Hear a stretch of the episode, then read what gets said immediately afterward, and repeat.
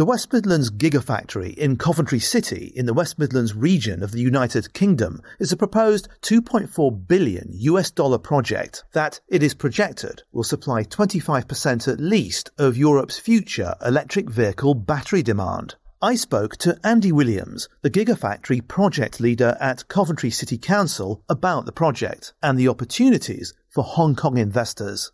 I started by asking him what were the advantages of locating the Gigafactory in Coventry. West Midlands and Coventry in particular has been at the heart of the UK's auto industry for many, many decades. We have a deep rooted supply chain drives forward innovation. We are recognised nationally and internationally. We have some great institutions here Within Coventry, we have WMG, the Warwick Manufacturing Group. It's one of our flagship areas, but also MIRA, the manufacturing groups around there and around Coventry University as well. So we, we have this really embedded expertise, if you like.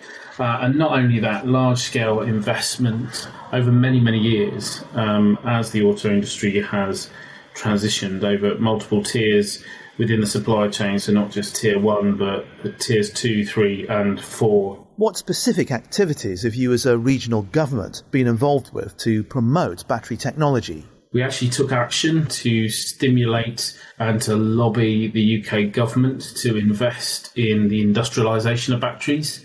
We secured a national facility here, £130 million facility that's growing called the UK Battery Industrialisation Centre. And it has a number of partnerships with OEMs and the private sector to develop new battery technology. So to summarise what you're saying so far, is that you've got these R&D powerhouses of the UK Battery Industrialisation Centre, the MIRA Technology Park and Warwick Manufacturing Group at the University of Warwick working hand in glove with OEMs in the region. And that amounts to a very significant unique selling point for potential investors. Yes, that's, that's absolutely right. Absolutely correct. I feel that that is the, the ecosystem that we've got here that you've just described is, is exactly our USP to the world and to the investor and the reason why that we want to create this gigafactory here and the reason why we believe it will be a success how will the ownership of the Gigafactory be structured? I anticipate that there will be a public private collaboration of some sort, and certainly looking across the world where there's been Gigafactories installed, that is very consistent, whether it's a municipality or whether it's national government. There have been public private partnerships, not just in financial terms, but in actually bringing land and opportunity to the table for these things. So I can see that hybrid uh, arrangement taking place here.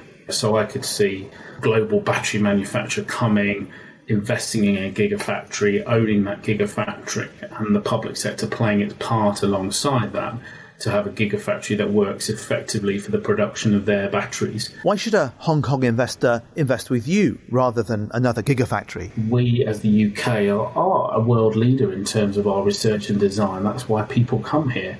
Um, when, when I visited China recently to talk to investors, nearly all of those um, design head of designs at these companies were schooled at Coventry University. I think we've got a lot to offer uh, investors here where they can land and locate easily and simply and set up shop. And that's why we are top of the table in terms of foreign direct investment here. So it's not a surprise to us that people want to come here and want to locate here because of the investment. What's the timeline for the project? Um, we've gone out to industry to understand what the demand is. We want to have that gigafactory operational by 2024. How much will the total investment in the project be? And could you summarise what kind of investors you are looking for? We expect that investment to be £2 billion or $2.4 billion in terms of that. We're expecting support from government inside of that to enable that to happen We're looking for investors in terms of material, raw material processing, converting those raw materials into useful products. We're looking for investors in terms of manufacturing and assembly, investors to distribute, and investors to look at end of life and recycling. So, across the whole supply chain, we're looking for investors to come and locate inside of Coventry and the West Midlands. Are you interested in meeting potential financiers from Hong Kong as well? Yeah, we would definitely want to talk to them to understand what that would look like. Could a Hong Kong investor expect to receive any tax benefits? It will probably, some of it might be on a case by case basis, to be honest, to understand what the proposition is uh, and what the impact of that proposition is. Um, but I would say yes, those are very much on the table. What's your message to any potential investor from Hong Kong who's interested in the project? Come and talk to us. We'll come and talk to you. You come and talk to us. We'll show you the opportunities. We'll show you what's possible across the sectors and create a proposition that I think we will be second to none in. Andy Williams, thank you very much for talking to me about the Gigafactory project. Good luck with it. This podcast was produced by Anthony Murray for the Hong Kong Trade Development Council Research Department and presented by Andy Varga.